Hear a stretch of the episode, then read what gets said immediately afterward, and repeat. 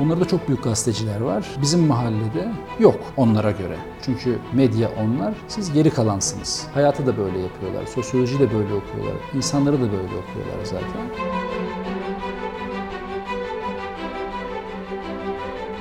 Biz bunların hiçbir tanesini yapmadık Adem. Medyada kaçıncı yıl bugün itibariyle? TGRT'de genel yayın yönetmenliği yaptığımda 26 yaşındaydım Adem. Nasıl peki medyaya giriş oldu? Şimdi hayat da böyle bir şey değil mi Adem zaten? Nasıl bir patrondu Cem Uzan?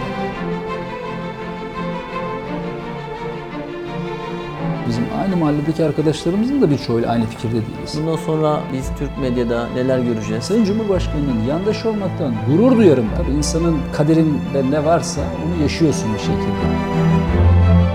Murat abi medyada kaçıncı yıl bugün itibariyle? 32 yıl falan oldu. Şey 32 33 yıl 33 yıl oldu. Küçüklükten bir hayal var mıydı medyaya karşı yoksa her çocukta olduğu gibi işte bir doktor, öğretmen veya pilotluk bilinçaltında dolaşıyor muydu? Babam mühendis. Yani devlet demir yollarında çalışıyordu. Tabii insan babasının mesleğini sürdürmek istiyor haliyle. Öyle bir şey vardı, mühendislik vardı. Fakat tabii mühendis olabilmek için imkan da olması gerekiyordu. Ağırlıklı olarak babam devlet memuru olduğu için Doğu Güneydoğu'da geçti bizim ilk gençlik yıllarımız.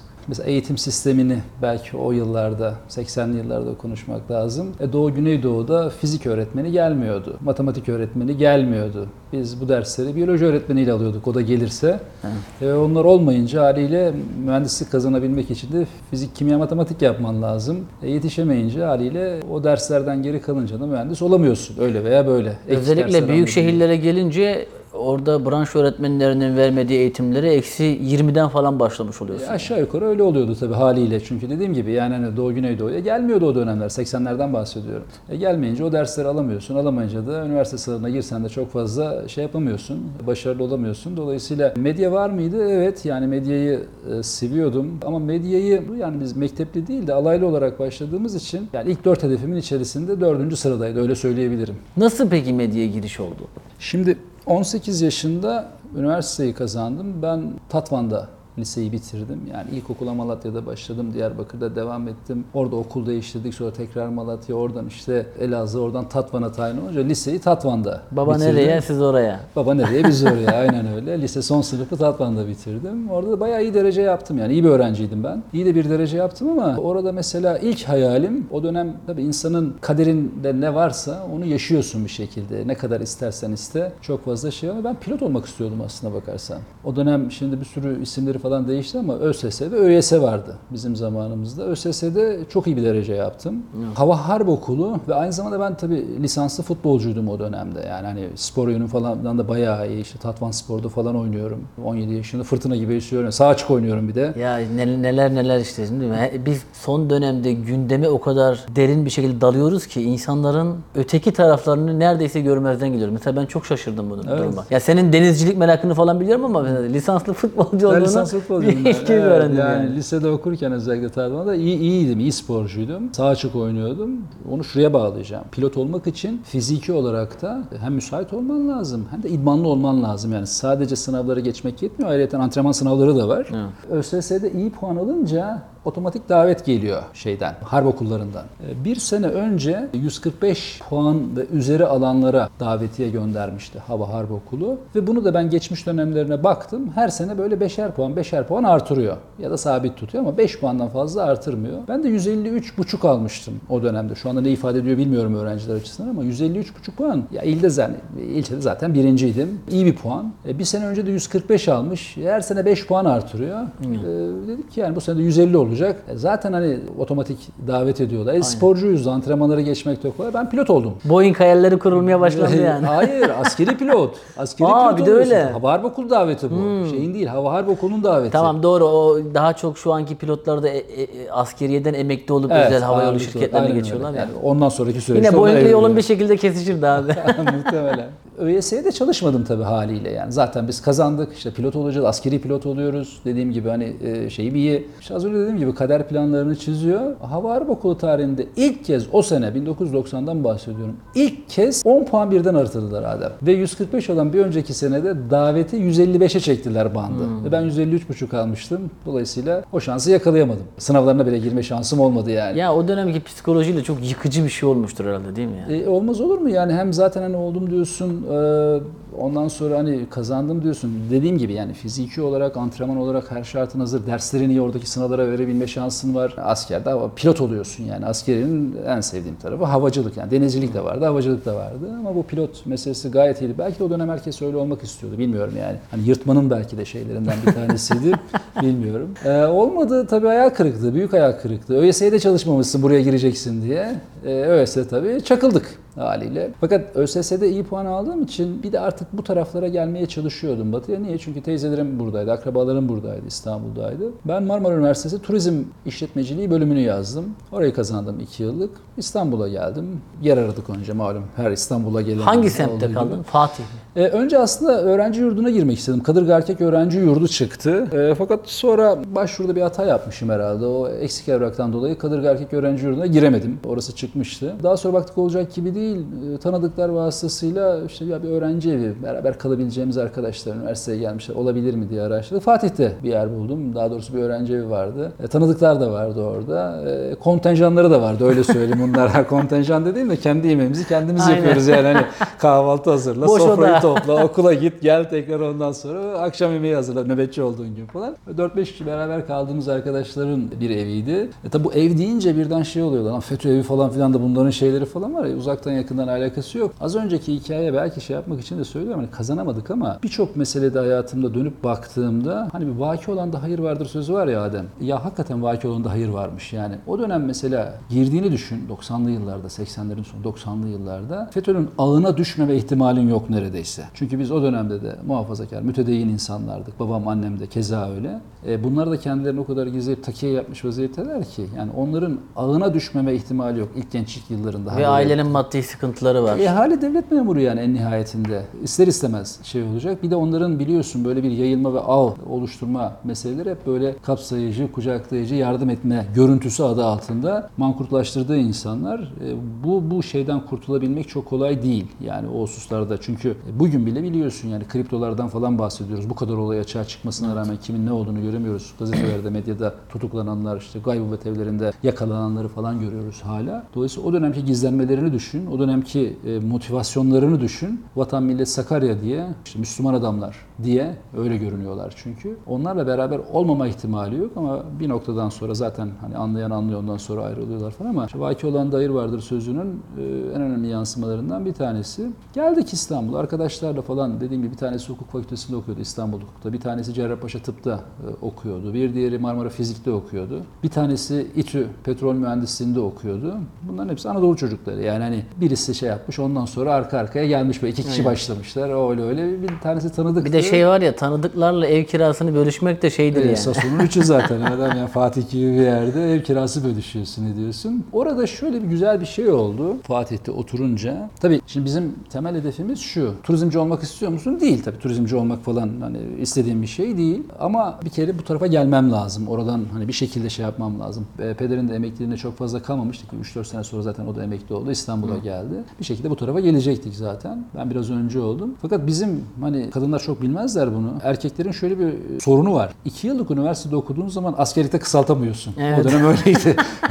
mutlaka mutlaka 4 yıllık okuman lazım. Evet, aynen. Ya asubay olarak, subay olarak gideceksin. Asteğmen olarak başlayacaksın. Asteğmen olarak. Ya da asteğmen olarak yapmak istemiyorsan bile kısa dönem Kısa yapacaksın. Hangisi çıkacaksa. E, değilse 18 ay yer olarak falan gidiyorsun. 2 yıllık üniversite bitirmiş olsan bile yüksek Tamam. lisans olmadığı için, lisans olmadığı için. Öyle bir durum var. Bir taraftan da üniversitede de hazırlanıyorum tekrardan. Yani 4 yıllık bitirmem gerekiyor en nihayetinde. Yoksa hani yaş dolu 2 yıl bittikten sonra asker alacaklar yani. Ama benim en azından ilk etapta biraz daha tutunmam lazım. İstanbul'a geldikten, üniversiteye başladıktan sonra ilk yılın sonunda bizim de Beyazıt'taydı Marmara Üniversitesi'nin bir sürü kampüsleri var zaten. Apartman gibi bir yerdeydi ma- şeyde. Beyaz Saray Kitabevi'nin yanından aşağı inip aşağıda bir taraflardaydı. Kadırga tarafında. Birinci senenin sonunda staj yapma mecburiyeti var. Ben okul başlarken devam ettim. Onu da şey yaptılar. Hani bu okulda okuyoruz var bitirene kadar bunu yapalım diye. Bir otelde resepsiyon görevlisi olarak başladım bir taraftan okurken. Hani bu da şunun için söylüyorum. Vurguyu şuna yapıyorum. Yani devlet memuru peder. İşte ben İstanbul'a geldikten kısa bir süre sonra kız kardeşim evlendi. Bir sürü masrafları var. Peder bunları çekiyor. Ben İstanbul'da okuyorum. Bir tane küçük kardeşim var. O da işte okuyor. Adam bunlara yetmeye çalışıyor. Hoş pederin hani konumu iyiydi yani. Hani devlette iyi bir şey vardı ama en nihayetinde devlet memuru. E, kendi kendime yetmem gerekiyor. Bir de bizim kültürde şimdiki gençler öyle değil. Babadan falan para istemek mümkün değil. Öyle bir şey söz konusu değil. Yani o olamaz. Anca baba görecek ya çocuğa işte o da anneye verecek. Ya da aynen ya da Çocuğun- anne baskı tabii, yapacak. tabii ya da anneye söyleyeceksin. Anne para bitti ya babamla bir konuşsana para versin falan diye. Öyle olunca tabii İstanbul'a da geldik. Adımın sıkışık olduğunu biliyoruz. Ya benim çalışmam lazım. Mutlaka çalışmam gerekiyor. E, turizm olunca staj da yapmam gerekiyor. Ben okul başladıktan kısa bir süre sonra bir de şeyim ben çalışmayı seviyorum yani. Lisedeyken bile yaz tatillerinde falan böyle ufak tefek de olsa 15 günlük, bir aylık, bir buçuk aylık falan böyle girdi çıktı falan şey de yapıyorum. Seviyorum da çalışmayı. E para da kazanmamız lazım. Hem staj hem çalışma gibi bir otele girdim. Nasıl olsa okuyoruz diye. Resepsiyonda Fındıkzade'de bir oteldi. Orada başladım. Bir 5-6 ay falan çalıştım orada. Gece shiftindeyim. Gündüz okula gidiyorum çünkü. Gece shiftini ta- ya da takip ediyorum. Ya da akşam shiftinde falan çalışıyorum. Gündüz sağ olsunlar şey yapmıyorlar. Ee, orayı devam ettim. Fakat ondan sonra şöyle bir şey oldu o süreçte. Dediğim gibi az önce konuşurken işte dört meslek falan düşünüyoruz. Bir, tıp doktoru olmak istiyordum. Ama bekarhanede dediğimiz o öğrenci evine geldiğimizde Cerrahpaşa tıpta okuyan dördüncü sınıftaydı zannedersem. Hala da görüşüyoruz kıymetli dostumuz. Ders çalışıyor ediyor falan. Yapılacak gibi değil. Mümkün değil. Bir de şöyle düşünüyoruz o dönemde Adem. Ya kardeşim şimdi normal bir başka bir mesleğin olsa yapmış olduğun hatada en fazla kovulursun diyorsun. Tamam başka başka bir iş bulmaya çalışırsın bilmem ne yaparsın ya arkadaş. Yani bu işte bir hata yaptığın zaman insan öldürüyorsun. Tamam. Tamam yani hani böyle bir korku da var ki çok sonraları o işin öyle olmadığını öğrendik ama yani öyle değilmiş mevzular. Sonra biraz da böyle hani sosyal yapım biraz dışa dönük olduğu için ya hukuk da aslında gider diye ikinci meslek olarak onu düşünüyordum. Fakat yine orada hukuk fakültesi İstanbul Hukuk'ta okuyan arkadaşı bir gördüm. Ben şey zannediyordum hukukta okuduğum zaman. Bütün kanunları ezberleyeceksin, bütün kitapları ezberleyeceksin. Şöyle kitaplar falan var. Lan bunlar ezberlenir mi? Yani hani bunlar okunur mu, edilir mi falan. Onu Mümkün da değil eledik. yani. Onu da eledik. Mühendis zaten olamıyorduk. Hani şeyden dolayı. Çünkü o birinci sene sınavı kazanınca e, biliyorsun yine aynı şey devam ediyor. O sene tekrar hemen ertesi sene tekrar girdiğinde puan kırılıyor. O zaman da öyleydi. Dolayısıyla ya bu sene bir sonraki sene giremeyeceğim. Madem hani acaba çalışsam fizik, kimya, matematiğim iyiydi. Türkçe matematiğim çok iyiydi. Fizik, kimya, biyolojiyi falan da destekleyerek aslında mühendis olabilirim diye. Kursa gittim. Çalışıyorum, ediyorum. Bilmem okula gidiyorum. Kursa falan da gittim. Ah dedim ki yok abi bunlar böyle 3 ayda 6 ayda falan kavranacak, e, anlaşılacak şeyler değil.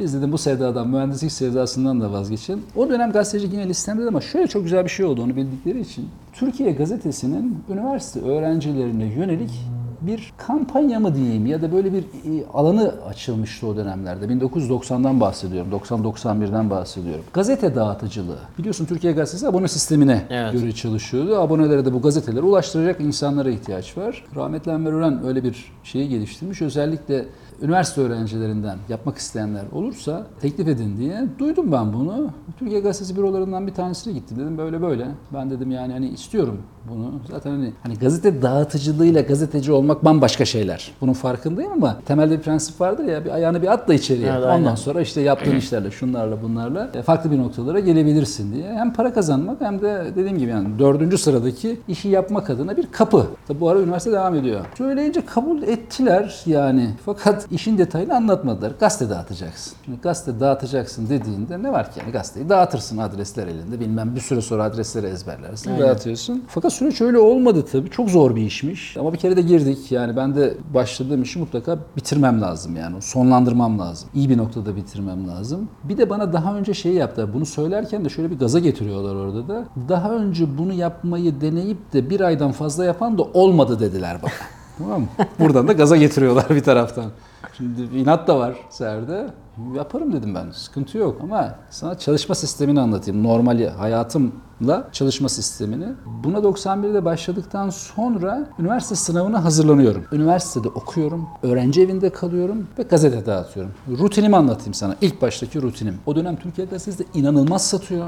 Yani 1 milyon barajını geçmiş vaziyette ilk gazetelerden bir tanesi. Bu iki anlama geliyor. Hem dağıttığın gazete çok, yükün artıyor ama iyi de para kazanıyorsun. Başladık. Benden önce o bölgeyi yapan birisi vardı. İlk gün, ikinci gün falan şey yapıyor, bize öğretiyor ediyor falan. Şöyle oldu. Sabah 4'te kalkıyorsun. Büroya gidiyorsun. O dönem benim 450-500 tane gazete dağıtıyorum. Yani 500 tane gazeteyi nasıl anlatayım sana? Yani yüzlük gazete balyası şöyle. Şu vaziyette falan. Bundan 5 tane var. Hepsini bir anda bürodan alıp o semte götürebilme şansın yok. Şimdiki gibi bisiklet, motosiklet şunlar bunlar falan da yok. Allah'tan dağıttığım bölge yine oturduğum yere yakındı. Yani zaten onu özellikle seçiyorlar. O bölgeyi dağıtıyordum. Birinci balyayı alıp bir yere bırakıyorsun. ikinci balyayı alıp başka bir yere bırakıyorsun. Önce balyaları dağıtıyorsun. Sabah 4 ve başlıyorsun gazeteleri dağıtmaya. Tek tek, kapı kapı. Abonelerin kimse. Sonra kapılarına, posta kutularına. Kimisi posta kutusuna bırakmayı kabul ediyor. Kimisi 5. kattaki kapısına istiyor. 5. katta asansör yoksa 5. kata çıkartıyorsun, kapısına koyuyorsun. Hülasa işi bitiriyorum saat 7-7.30 civarında. 3-4 saat sürüyor, 3,5 saat falan sürüyor. O gün nöbetçiysem öğrenci evinde Sabah kahvaltısı alışverişini yapıyorum. Kahvaltı hazırlıyorum. Arkadaşlarımı uyandırıyorum. Herkes kahvaltısını hep beraber yapıyoruz. Herkes kendi okuluna gidiyor. Ben de okula gidiyorum. Okulu okuyorum öğleye kadar. Öğleden sonra duruma göre. Geliyorum. Geldikten sonra üniversite sınavına hazırlandığım için bir iki fasikül dergi bergi falan onları hem takip ediyorum hem de kurslar falan var. Sağ olsunlar oraya gönderiyor. Gidiyorum şey yapmıştım. Sonra geliyorum. Şimdi bu gazeteleri abone olarak dağıtıyoruz ama bir de bunların parasının toplanması var. Belirli bir günden sonra, ayın belirli bir günden sonra o aboneleri akşamları geziyorsun çünkü baba eve gelmiş oluyor gazete parası. O paraları toparlıyorsun. O paraları şirkete şeye veriyorsun, gazeteye veriyorsun. Dediğim gibi gazete dağıtıyorsun, üniversiteye gidiyorsun. Nöbetçiysen öğrenci evini idare ediyorsun, akşam evini yapıyorsun, etrafı toparlıyorsun. Üniversite sınavına hazırlanıyorsun. 4 tane iş, 5 tane iş. Bu şartlar altında hakikaten 10 ay civarında, 11 ay civarında yaptım bu işi. Marmara Üniversitesi'nde de işim. O dönemin e, öğrettiği en önemli şey neydi? Bugünden baktığında. Valla ben orada şeyi öğrendim. Yani evet baba devlet memuru, durumumuz kötü değildi. Ama böyle bir mesaide hiç çalışmamıştım. Daha çok dediğim gibi yazlık, yaz yaz dönemlerinde falan basit işlerde olabiliyordu. O da ben benim istediğim için yani bedeninde şey yoktu hani çalışman lazım gibi bir şey değil ama ben istiyordum yani öğrenmek istiyordum. Valla bana en çok öğrettiği şey mücadele oldu. Mücadele etmeyi öğretti. Sorunları çözmeyi öğretti. Çünkü dediğim gibi yani artık birebir insanlarla muhatap oluyorsun. Hem ürününü veriyorsun, sonra gidip onun işte parasını topluyorsun, onu alıyorsun, öbür tarafa gidiyorsun. Ve zor bir işti hakikaten ve bana bir mücadeleyi öğretti bu. Ama birçok mesela kişiyle de tanışma fırsatı elde ediyorsun. Kapıya kadar gidiyorsun. Mesela aboneler içerisinde o dönem Türkiye Gazetesi'nin yazarları, yöneticileri olan insanlar da vardı. Yani kapılarına bırakıyorsun nihayetinde. Demek ki iyi bir mahalleye dağıtıyordu. E, tabii yani hani öyle oluyor herhalde. Böyle sağlam bir mahalleye girmiştik herhalde. E, avantajı oldu. Şöyle bir şey oldu tabii bir taraftan da. Şimdi İstanbul'a geliyorsun. Ben babamdan bir ay para aldım sadece İstanbul'a geldiğimde. Sonra işte bu işler hem otel işi hem bu işlere başladı. Zaman gazete dağıtımında kazandığım para e, babamın maaşının üçte ikisi kadardı neredeyse. Ki babam Van Gölü Feribot İşletmesi'nin en son genel müdürüydü yani müdürüydü. En son üçte ikisine yakın kazanıyordum İstanbul ölçeğinde. Çok iyi para kazanıyordum. Sen biraz daha gitsen babaya gönderecek Yani misin? bir noktadan sonra olacak. İhtiyacım varsa göndereyim falan noktasına gelecek. Bir avantajı da şu, artı şeyleri şu oldu. Dediğim gibi disiplinle yani sabah 4'te kalkıyorsun, 7-7.30. O tabii bir süre sonra öğrendikten sonra hızlanıyorsun. O 4'te kalkmıyorsun, 5'te, 5.30'da hatta 6'da kalkabiliyorsun. Bütün bu süreç içerisinde aynı anda 4-5 işi senkronize etme, yapabilme ve vakti kullanabilme şeyini öğrendim. Ve o sene ben İstanbul Üniversitesi İşletme Fakültesini kazandım. Ve ondan sonra tabii haliyle bu iş de bitmiş oldu. Yani o işi yapamayacaktım artık. Çünkü Evet. oranın dersleri çok daha ağır yani Marmara'ya göre. Ama başka kapılar da açtı tabii bu, bu vesileyle. Murat abi şimdi sektörde 32 yılı aşkındır varsın ve bu geriye doğru bakıldığında hafife alınmayacak bir süreden bahsediyoruz. Yani bunun içerisinde bir sürü hikayeler, iyi günler, kötü günler, olumlu ve olumsuz günler, ülkenin belirli kriz dönemleri, bazen konuştuğunuz şeylerin kamu nezdinde, vatandaşlar nezdinde yön verdiği dönemler de oldu. Şu anda bakıldığında gazetecilik aslında şöyle yani iktidarı destekleyenler var bir de e, tamamen iktidarın karşısında olanlar var. İktidarı destekleyenlere çeşitli atıflar yapılıyor, çeşitli sıfatlar koyuluyor. Ama bu tarafta her türlü eleştiri yapan ya da seçim döneminde istediği kişiyi destekleme özgürlüğünü de elinde olan bir gazeteci grubu var. Tamamen her şeyden sıyrılmış şekilde objektif. Bu durumu nasıl yorumluyorsun? Bu soruya cevap verebilmek için yine bir meslek hayatının başına dönmekte fayda var. İstanbul Üniversitesi işletmeyi kazandım demiştim.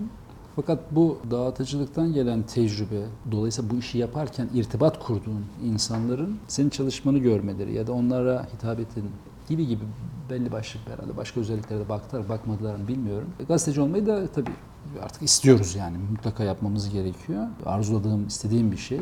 İstanbul Üniversitesi işletme okusam bile. Burada böyle bir ünsiyet olunca, tanışma olunca bana İngilizce biliyor musun dediler. Biliyorum dedim yani İngilizce çünkü ben hakikaten öğrenciliğim çok iyi geçti. Bir de o dönemde özellikle Anadolu liseleri çok enteresan bir İngilizce eğitim veriyorlardı. Ben ilkokuldan sonra benim şeyi böyle aileden ayrılma aslında üniversitede başlamadı. Ben ilkokul 5. sınıfı bitirdikten sonra Malatya'da Anadolu Lisesi imtihanına girdim. Diyarbakır Anadolu Lisesi'ni kazandım ben.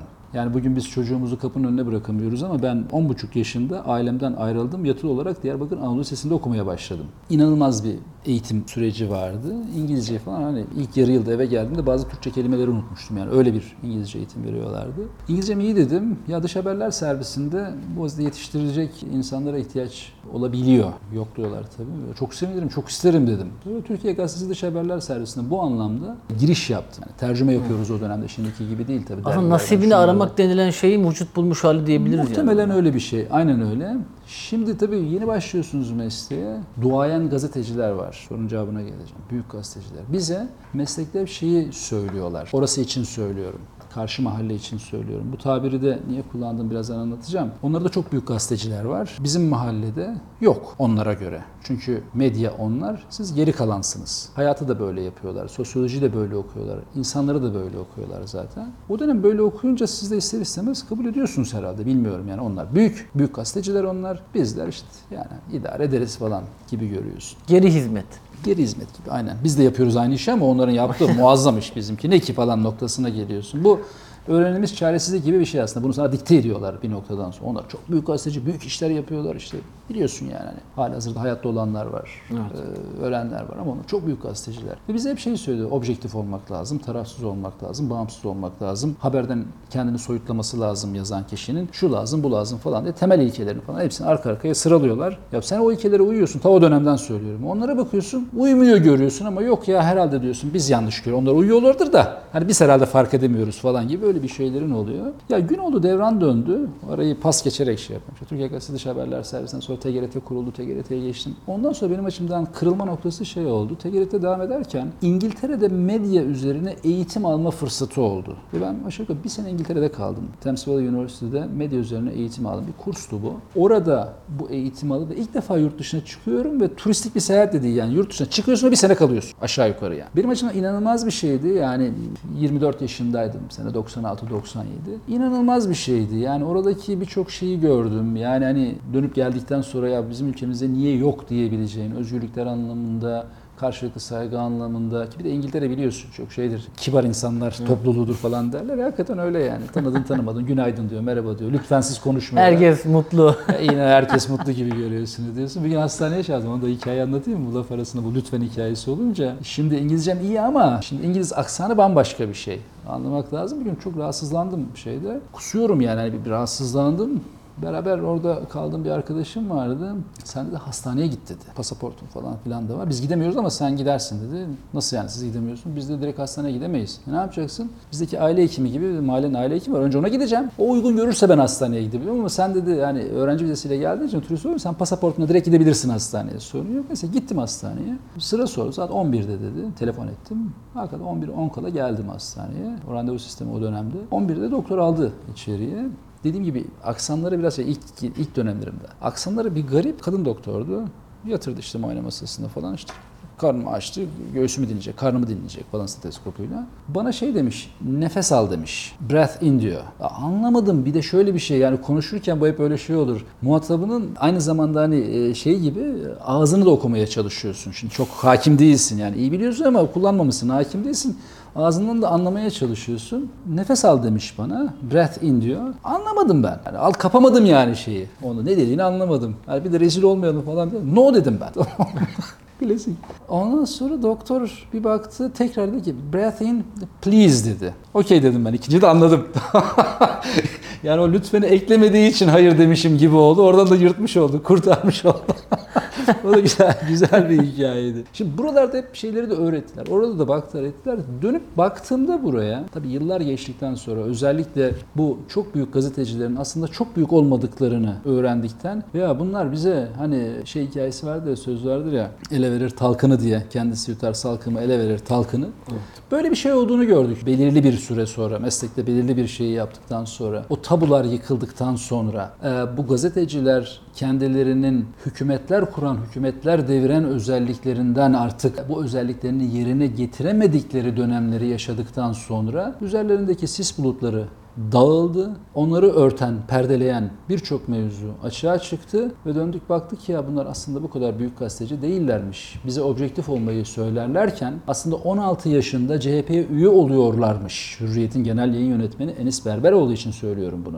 Kendi ifadesinden dolayı söylüyorum. 16 yaşında, 17 yaşında CHP üyesiydim diyen bir insanın e, Hürriyet gazetesinde uzun yıllar gazetecilik yaptığı ve genel yayın yönetmenliği noktasına geldiği süreçte bize hep objektif olmaktan bahsederlerdi. Ya da Tufan Türenç de zannedersem CHP kongresinde sandalyenin masanın üzerine çıkıp avuçları patlayıncaya kadar alkışlayan bir gazeteci profili vardı. Biz bunların hiçbir tanesini yapmadık Adem. Ben AK Parti üyesi değilim. Herhangi bir partinin üyesi de değilim. Herhangi bir partinin kongresine ya da şununla bununla gidip hani AK Parti'nin diye söyleyeyim. Sandalye masa üzerine çıkıp avuçlarım patlayıncaya kadar alkışlamadım. Fakat bana yandaş diyorlar. E Şimdi Türkiye'de şöyle bir sorun var. E, İdris Küçükömer'in tabiriydi zannedersen. Türkiye'de sağ sol sol sağdır diye.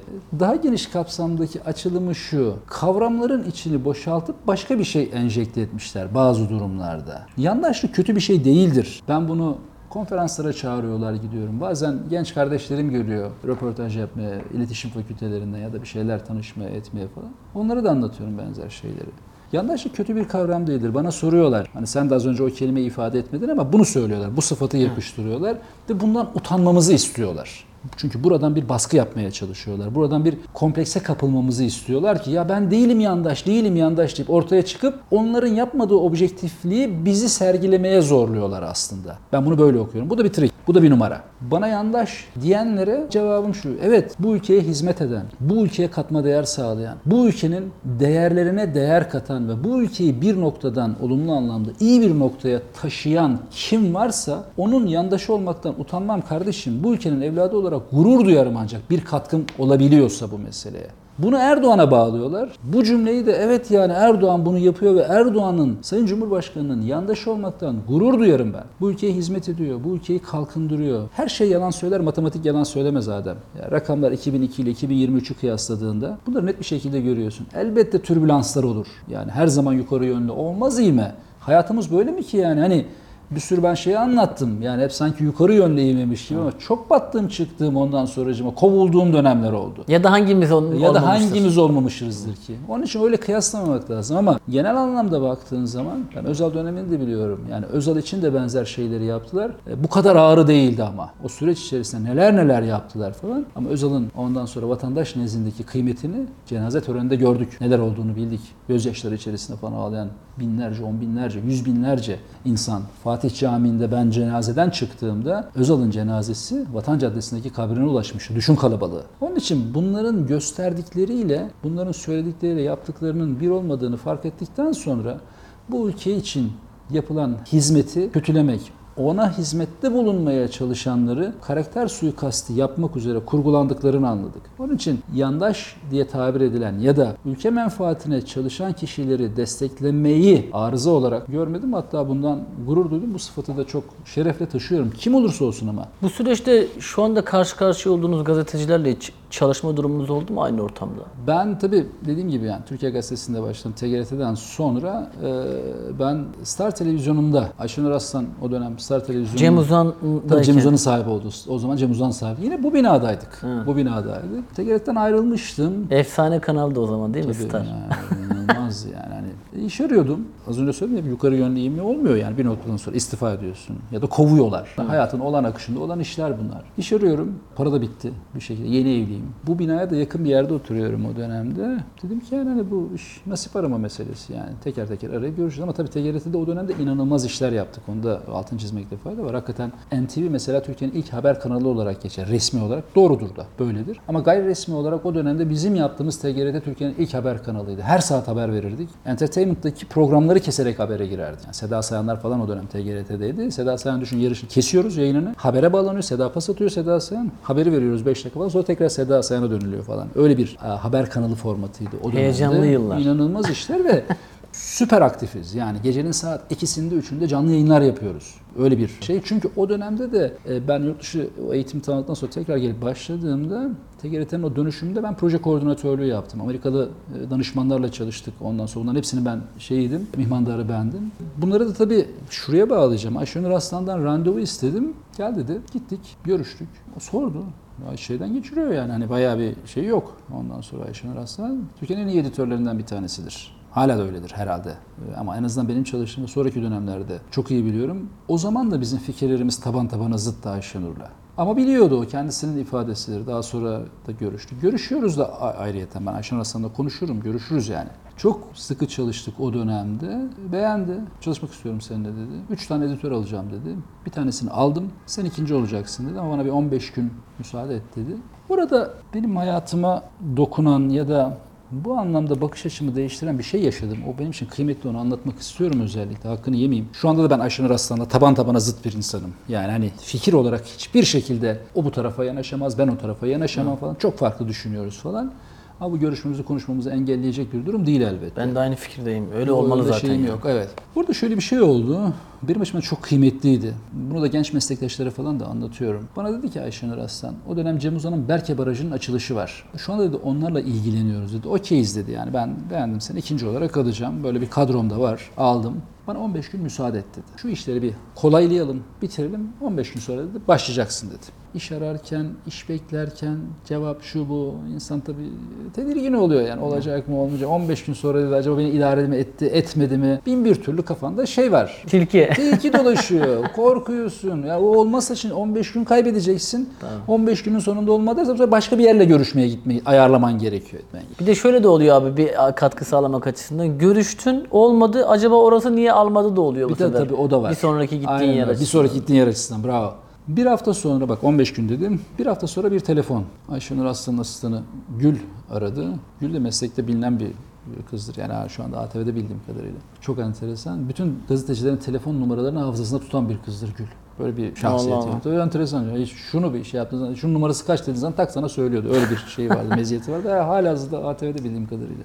Telefon, Ayşenur Hanım sizinle görüşecek. Star'ın genel en yönetmeni. 15 gün dedi, bir hafta sonra arıyor. Dedim ki neyse yine de nezaket gösteriyor. Yani sonunda benim arayıp da ne oldu dememi şey yapmayacak. Bir hafta sonra falan beni arayıp da ya Muratçım işte ben şey yaptım ama olmadı. Bilmem şu oldu, bu oldu falan diyecek, kapatacak yani. O bir buçuk saniyelik süre içerisinde, bağlanma süresi içerisinde bunlar geçiyor kafandan.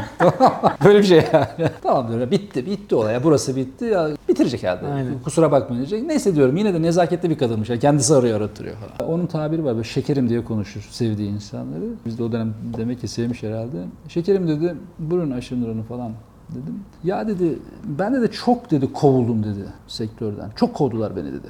Oradan ayrıldım, buradan ayrıldım, şu işleri yaptım falan filan. Sonra görüşmeler neticesinde dedi. Çok telefon beklediğim anlar oldu dedi. Hadi oldu mu olmadı mı cevap verecek anlar. Bu sürecin dedi nasıl bir süreç olduğunu iyi bilen bir insanım ben dedi. 15 gün sonra dedim sana ama sen meraktasındır diye açtım. Merak etme her şey yolunda 15 gün sonra olacak. Merakını izale edip endişelerini gidermek için arıyorum dedi. Klas hareket.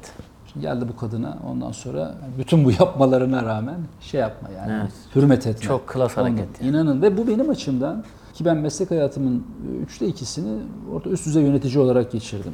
Benim açımdan çok kıymetli bir şeydi bu. İnsan ilişkileri, kıymet verme, bu konuyla ilgili olarak muhatabını, muhatabının empati kurma. Tabii bunlar hepsi bildiğimiz şeyler aslında bakarsan. Bilmediğimiz meseleler değil ama yaşadığın zaman ya demek ki beni o kadar rahatlatmıştı ki bu iş. Düşünsene Adem yani 15 gün Tabii boyunca yani, kendi kendini yiyeceksin. Şu an empati yapmaya çalıştım ama ona rağmen tam anlayamamama Ya ben, rağmen ben inanılmaz birebir, bir şey. ya. birebir yaşadım. Ben onun için bu Vakit anlamda- geçmez ya o iş, te- E, iş telefonu E, beklerken. tabii öyle. Bir de yani birisi arıyor seni ne kadar kibar, nazik bir hareket. Her şey yolunda ben beklemenin ne demek olduğunu bilirim. Evet. Ee, Her şey yolunda merak etme. Hakikaten ondan sonra başladık. Ta kayyuma devredilene kadar Star Televizyon'da devam ettik. Oralarda da birçok şeyleri görüyorsun, ediyorsun falan. Mesela Ayşenur Hanım'ın birçok şey öğrenmişimdir o hususlarda. Ama en nihayetinde geldiğimiz nokta soruna cevap olsun diye söylüyorum. Bu meselede ülkenin, vatanın, milletin yanında olmak esas noktamız olacak diye söyleyebilirim. Evet. Aslında şöyle bir şey var. Medya sektörü siyasetçiler kadar olmasa da insanların ailelerinden fedakarlık yapmalarını gerektiren de bir şey. Doğru. Şimdi bugün itibariyle sizin görevinizde konuşuruz ama öncesine baktığımda da şimdi sen çok çalışkan bir isimsin ya. Ben uzun yıllardır tanıdığım için yani biliyorum. E, bugün itibariyle geldiğin konumda ise çok daha önemli bir noktadasın. Bina itibariyle de hani sıfırdan girip zirveye gelmiş bir isimsin. Bunu ne hissettiriyor sana? Ya ben çok fazla yer değiştirmeyi seven bir adam değilim. Yani bulunduğum yerde kök salmayı hedefleyen. Bunun aksini yapanlar için kötü bir şey söylemiyorum yani ama benim benim tarzım bu. Prensip. Prensip meselesi. Mesela 30 yani hep o gazete dağıtımından başlatıyorum hep şeyi gazeteciliğimi. 32 yıllık meslek hayatımda 3 yer değiştirdim yani TGRT'de. TGRT'de ki ben genel yayın yönetmeni, aslında ben Türkiye'nin en genç genel yönetmenlerinden bir tanesiyim. Ben TGRT'de genel yayın yönetmenliği yaptığımda 26 yaşındaydım adam. Yani oradan ayrıldıktan sonra Star'a geldim. Star'da 3 sene falan çalıştık galiba 3-4 sene çalıştım. E, Ayşen Hanım'la beraber ondan sonra Kayyum'la Kayyum'la da çalıştık. Ondan sonra buranın kuruluşunda da 2006'nın aralığında başladım. İşte hesap et yani hani aşağı yukarı 17 yıldır bu gruptayım. Editör olarak girdim evet. Cem Uzan helikopterle inerken hiç böyle şahit oldun mu yani? Ee, şöyle şahit oluyorsun. Zaten biz yine 3. kattaydık o dönem Star Televizyon. Helikopter indiği zaman bina sallanıyordu. Ha, Cem Bey geldi falan diyorduk.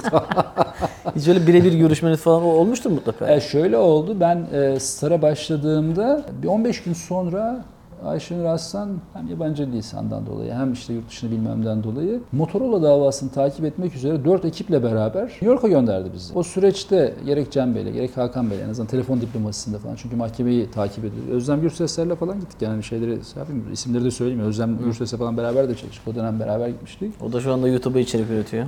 Evet. O, o dönemde yani mahkemenin seyriyle ilgili zaten avukatlarıyla falan görüşüyorlar ama kamerayla falan giremiyorduk. O da çok ilginç. Mesela bu Zarap davasının görüldüğü yerde yapılmıştı. Hmm, aynı yerde. New York 5. Bölge Mahkemesi'nde e, Rakoff hakimdi o dönemde. O binada, aynı binada Motorola davası vardı. Yani e, Telsim Motorola davası. Orayı takip ediyordu. Yine kamera falan içeriye sokamıyorsun, edemiyorsun.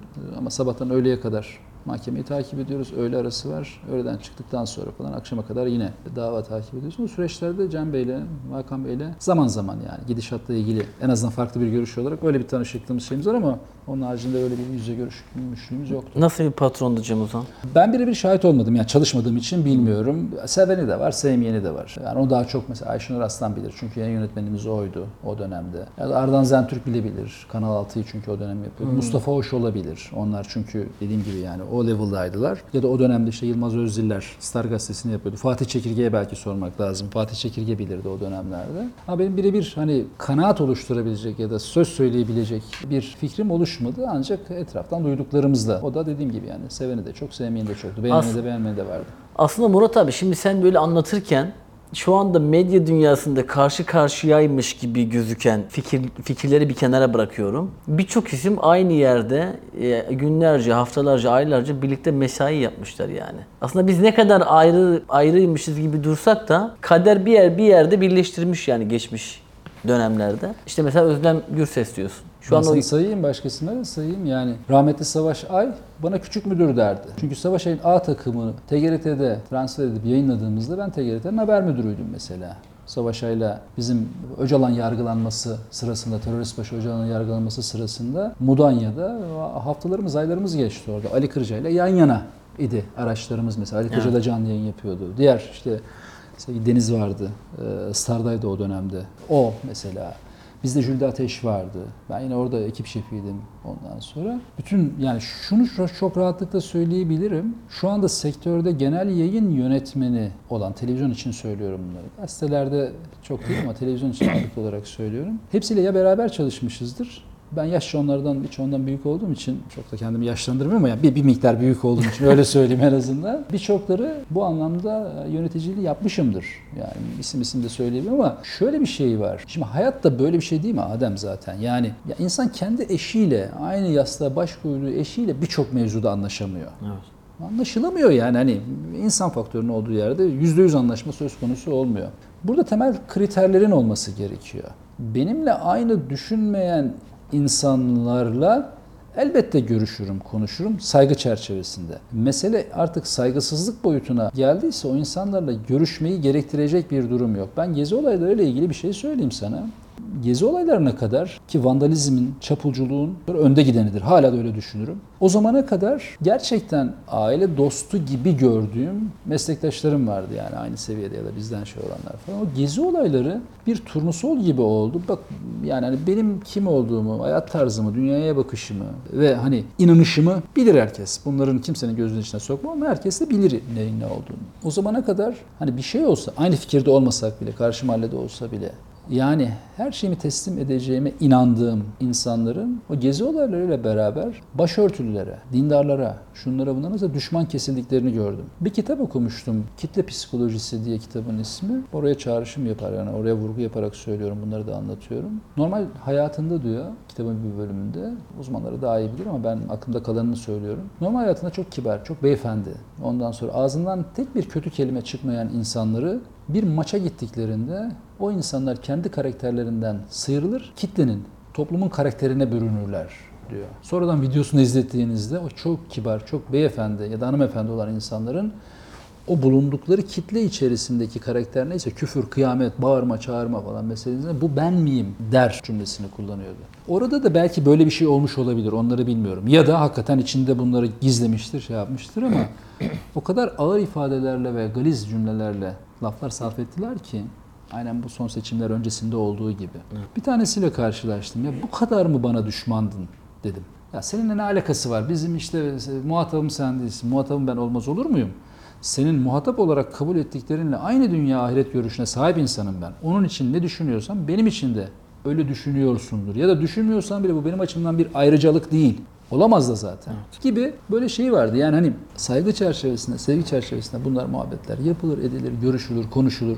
İlla aynı fikirde olmak zorunda değiliz. Bizim aynı mahalledeki arkadaşlarımızın da birçoğuyla aynı fikirde değiliz. Değişiyor. Şimdi senle ben hani aramızda muhabbetimiz var. Aynı fikirde olmadığımız konuları saymaya kalksak Tabii çok dakika sayarız yani. Gayet doğal bir şey bu. Ama dediğim gibi temel bir kriterler vardır. O kriterler üzerinde aşındırma yapmadıktan sonra her şeyi konuşuruz, görüşürüz, muhabbetimizi yaparız bu konuda. O konuda ben çok şey bir adamım Açık bir adamım. Muhataplarım da öyle olduğunu düşünüyorum ama hakaret boyutuna vardıktan sonra o insanla muhatap olmanın bir anlamı da yok bir noktadan sonra.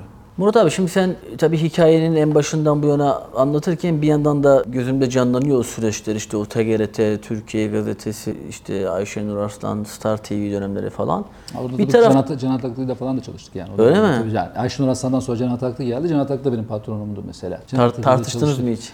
E şöyle yani mesela bana, bana ekrana yine çıkıyordum ediyordum ama bana ekranı ilk teslim eden ve sabah haberlerini sevgili Şükran Güzeliş'le yapmamı sağlayan Can Ataklı'dır. Yani bana sabah haberlerini Metin Hoca'dan sonra Günaydın Türkiye'yi Star televizyonunda Şükran'la beraber biz yaptık mesela. Metin Hoca'dan sonra geldi tabii. Metin Hoca gibi bir ekran fenomeninin arkasından gelmek benim açımdan çok büyük dezavantaj. Ama ondan sonra mesela sabah haberlerini ben yaptım ve Can Ataklı alan açtı bana orada o dönemde. Tartıştığımız mevzu var mıydı? Elbette vardı yani gayet doğal olarak. Burada da aslında şunu görüyoruz. Zaman çok hızlı akıp geçiyor ve içerisinde bir şey bir birçok şeyi kilitleyerek götürüyor yani. Şimdi siz anlattıkça ben mesela hatırlıyorum şimdi o dönemleri yani. Abi sen şimdi bir yandan da bu medyanın dijitalleşmesine, dönüşmesine de şahitlik ediyorsun. Şimdi TGRT'deki o ilk teknolojiyle bugün geldiğinde baktığındaki teknoloji arasında dağlar kadar fark var. Nasıl yorumluyorsun bunu? TGRT'nin o dönüşümünde proje koordinatörü görevi yüklendiğimde iki tane çok büyük firmanın danışmanlığını almıştık biz o dönemde. Ve o danışmanların kendilerine elemanları değil firma sahipleri gelmişti. Öyle istenmişti çünkü. Ve ben görevlendirildim. Onlarla beraber çalışıp işte interpreter diyorsun, tercüme etmeye, haber merkezinin şekilde onların anlattıklarını anlatmaya, toplantılarda falan işte tercümanlıklarını yapmaya etmeye. Bir taraftan hem haber merkezinde çalışıyorum, ben de bunları organize ediyorum. Bir sene falan sürdü, 1998'di zannedersem o değişim dönüşüm süreci. James Bond gelmişti açılışlara, Roger Moore'un geldiği falan, hani Muhammed Ali falan gelmişti ilk dönemlerde falan, açılışlara falan. Sonra devam etti bunlarla benim ilişkilerim. Hatta bir tanesi Malezya Devlet Televizyonu'nun genel müdürü oldu, danışman olarak aldılar. Bir diğeri El Hurra'yı kurdu Amerika'da. Bir öbürü hala işte mesela bunları da şöyle adamlar bunlar. NBC'ye, ABC'ye, CNN'e falan danışmanlık veren firmalar bunlar. Bunların başkanlarıyla dostluk oldu. Hatta Amerika'ya falan gittiğimde davet ettiler, evlerinde falan kaldım. Hatta şey ayarladılar bana onu söylemeyi unuttum. Ben Amerika'da televizyon şirketinde çalıştım. Arizona Phoenix'te ayarlamışlardı. Bu tabii çalışmadan kastım şu değil. Mesaili maaşı falan bir çalışmadan bahsetmiyorum ama oraya girip staj yapmama imkan verdiler. Ayarladılar onları Çok önemli olsunlar. şeyler bunlar. Yani. Tabii ya inanılmazdı benim açımdan. Mesai Mesleki anlamda çok Tabii kıymetli çünkü şey. mesela oradaki televizyonculuğun ne olduğunu da görüyorsun. Mesela oradaki inanılmaz işlerdi. Hakikaten güzel işler yapıyorlardı. Onların sahip oldukları teknolojiler, diğer şeyleri falan da görüyorsun. Mesela 98'de Amerika'yı ve Türkiye'yi kıyaslayabiliyorduk o dönemde. Mesela ben o dönemde Adem çok ilginç. Bizim Amerikalı danışmanla konuşuyoruz. Ya dedi ki elinde bir tane katalog var. Sonra o dönem şey daha tam şeyleri değil. internet çok böyle hani şey değil var ama yoğun değil. Bizim içimizden söylüyorum. Ya dedi şu gömleklerden de bir tanesini dedi alacağım takım elbise var. Hangisini alayım acaba? Sen de bir bana bir yardımcı olur musun? Diyor. Baktım telefon, telefon işte şeyler. Katalog. Nasıl yani dedim. Bunu dedi ben sipariş vereceğim dedi evime bırakacaklar falan dedi. O nasıl oluyor dedim ya yani hani internetten sipariş veriyorsun. Gömleği falan hani giymiyorsun, denemiyorsun. Üzerine falan oluyor mu olmuyor mu falan bilmiyorsun falan. Biz bunu düşünürken adamlar elektronik ticareti başlatmışlar zaten öbür tarafta. Süreç içerisinde hep şey mi oldu, irtibatı mı oldu? Gittik geldik onlar geldiler ara ara geliyorlar. Hatta bu sene yine gelecekler falan ben ağırlayacağım burada. Ee, ara ara beni mesela fotojurnalizm diye bir şeye yönlendirdi. Ya Amerika'da da böyle bir değişim oluyor. Ondan sonra önceden hani her bir işi ayrı ayrı kişiler yapardı. Şimdi bak böyle fotojurnalizm diye bir şey çıktı burada falan hani düşünür müsünüz eder misiniz sizin için de faydalı olabilir. Böyle karşılıklı görüşüyoruz konuşuyoruz ve bu şeyi de uzunca bir süredir takip ediyorum sektördeki gelişmeleri. Türkiye'deki önemli medya kurumlarından birinin CEO'su oldunuz. Geçtiğimiz hafta bu ilan edildi ve birçok isimde tebrik mesajları olsunlar. Hatta ben de size en son şöyle bir şaka yapmıştım. Ben de tebrik ettim ama o kadar çok mesaj gelmişti ki arada kaynamıştır muhtemelen diye. Yo- yoğun bir şey vardı. E, bu süreç nasıl oldu? Bundan sonra biz Türk medyada neler göreceğiz? Benden önce grubumuzun üst düzey yöneticisi ve icra kurulu başkanı e, Sayın Ahmet Bayrak tutardı.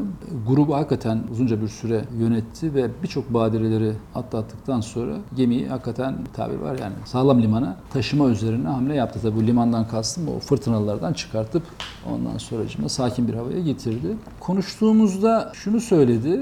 Yani ben buraya kadar getirdim. Tabii bu süreç içerisinde bütün yayın yönetmenleri gibi biz de icra kurulu başkanımızla çok yakın bir mesai içerisindeydik. Patronlarımız da keza öyle. Çünkü 24 televizyonu gibi hakikaten ben yayın yönetmeni olduğum için söylemiyorum bunu yani. Benden önce kıymetli Cengizer vardı mesela. Ondan önce işte Akif Bey vardı mesela. Ondan önce e, grubun başına Mustafa Karahalioğlu vardı. Yiğit Bulut vardı mesela. İlk kurucu genel müdür Mustafa Hoştur mesela. Yani çok büyük katkılar sağlamışlardı. Çok büyük hakikaten emek harcamışlardı. Ben onlardan sonra son genel yayın yönetmeni olarak hani bu göreve gelmeden önce devralmıştım. Uzunca bir sürede e, yayın yönetmenliğini yaptım. 2014'ten beri aşağı yukarı 9 yıldır, 10 yıldır yayın yönetmenliğini yapıyorum 24'ün. Program da yapıyorduk işte günün manşetini biliyorsun. E, çok iyi bir markaydı. Ve bütün markalarımızda olduğu gibi e, icra kurulu başkanımıza da çok yakın teşviki mesai içerisindeydik. Sadece bizim içerikten sorumlu değil. Bak az önce bir şey söyledik ya yani sistem değişince alışkanlıklara uygun bir şekilde dönüşmen gerekiyor. Evet. Şimdi ben eskiden hatırlıyorum yani 90'lı yıllarda hatırlıyorum. Helikopter kiralayalım dediğimiz zaman kraldık biz yani 10 bin dolar oraya harca helikopter kirala 5 bin dolarını yarım saatine ver vesaire vesaire gibi patron kesesinden harcamak ve patronların o dönemde çok pahalı oyuncakları olduğu için bunları desteklemek kolaydı o dönemler. Fakat öyle bir hale geldi ki hayatın acı gerçekleriyle karşılaştık. Maliyet denen bir şey var. Çok uzunca bir süredir aslında başta yapmamız gereken e, mevzuyu çok uzunca bir süredir yapıyoruz. Maliyet hesabına girmeniz gerekiyor. Mecbursunuz yaşayabilmek adına. 24 televizyonda da ve diğer bütün mecralarımızda olduğu gibi yayın yönetmenlerinin hepsinin bir gözü de buradaydı. Şimdi maliyet kısmı, gelir kısmı, reklama nasıl yardımcı olabiliriz, bu hayatiyeti nasıl devam ettirebiliriz diye. Sağ olsun Ahmet Bey, e, bundan sonra ben e, yönetim kurulu başkan vekili olarak devam edeceğim. Yerime de seni düşündüm cümlesini kullandı.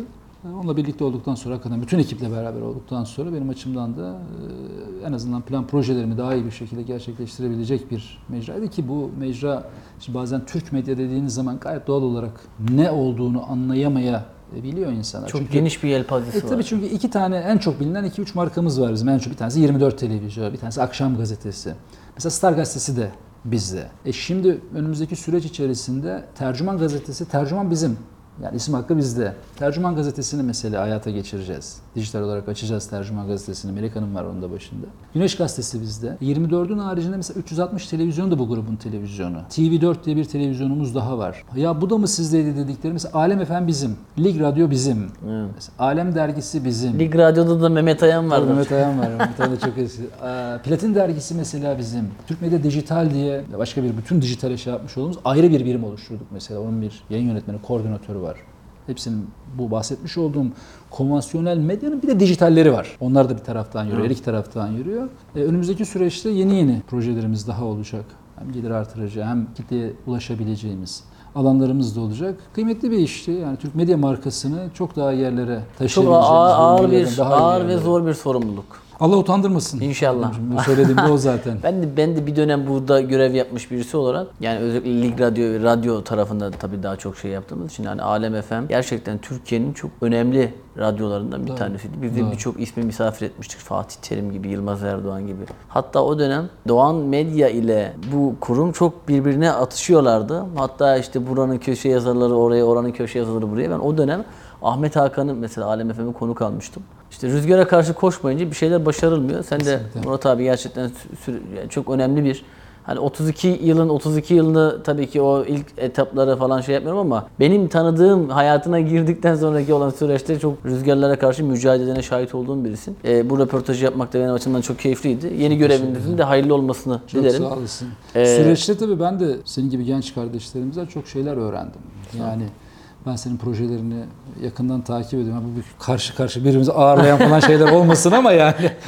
ama öyle hakikaten. Ya şeyimiz temel prensip şu, şunun üzerine. Ben mesela senin geçmişteki bütün projelerini, radyo dönemlerinde hatta birkaç sefer arayıp bir yayında da katılmak istemiştim yani. Sağ ol sen de beni kırmamıştın o dönemlerde. Onları falan da yaptın. Kıymetli işler yapıyordun. Özellikle bu dijital alana geçtikten sonra sen ve senin gibi kıymetli kardeşlerimizin de yaptığı şeyleri falan takip ediyorum, bakıyorum. Hakikaten güzel işler yapıyorsunuz, ediyorsunuz. Benim açımdan hem sevindirici çünkü sevdiğim insanların iyi işler yapması hoşuma gidiyor. Hem taraftan bir taraftan da öğretici benim açımdan. Yani e, şimdi düşünebiliyor musun? Yani koskoca medya şirketleri falan var. Ondan sonra hesapta. Ama senin yapmış olduğunun yanına yanaşamıyorlar mesela. Tek başına yapmış olduğun. Bu gıpta edilecek bir şey. Bütün şey açısından. Ya nasıl yapıyor? Bakalım, edelim, görelim gibi. Hani yüzüne karşı sana söylemiş oluyorum. Senin gibi kıymetli arkadaşları da bu vaziyette takip ederek yapmış olduğu işlerden bir şeyler öğrenmeye çalışıyorum.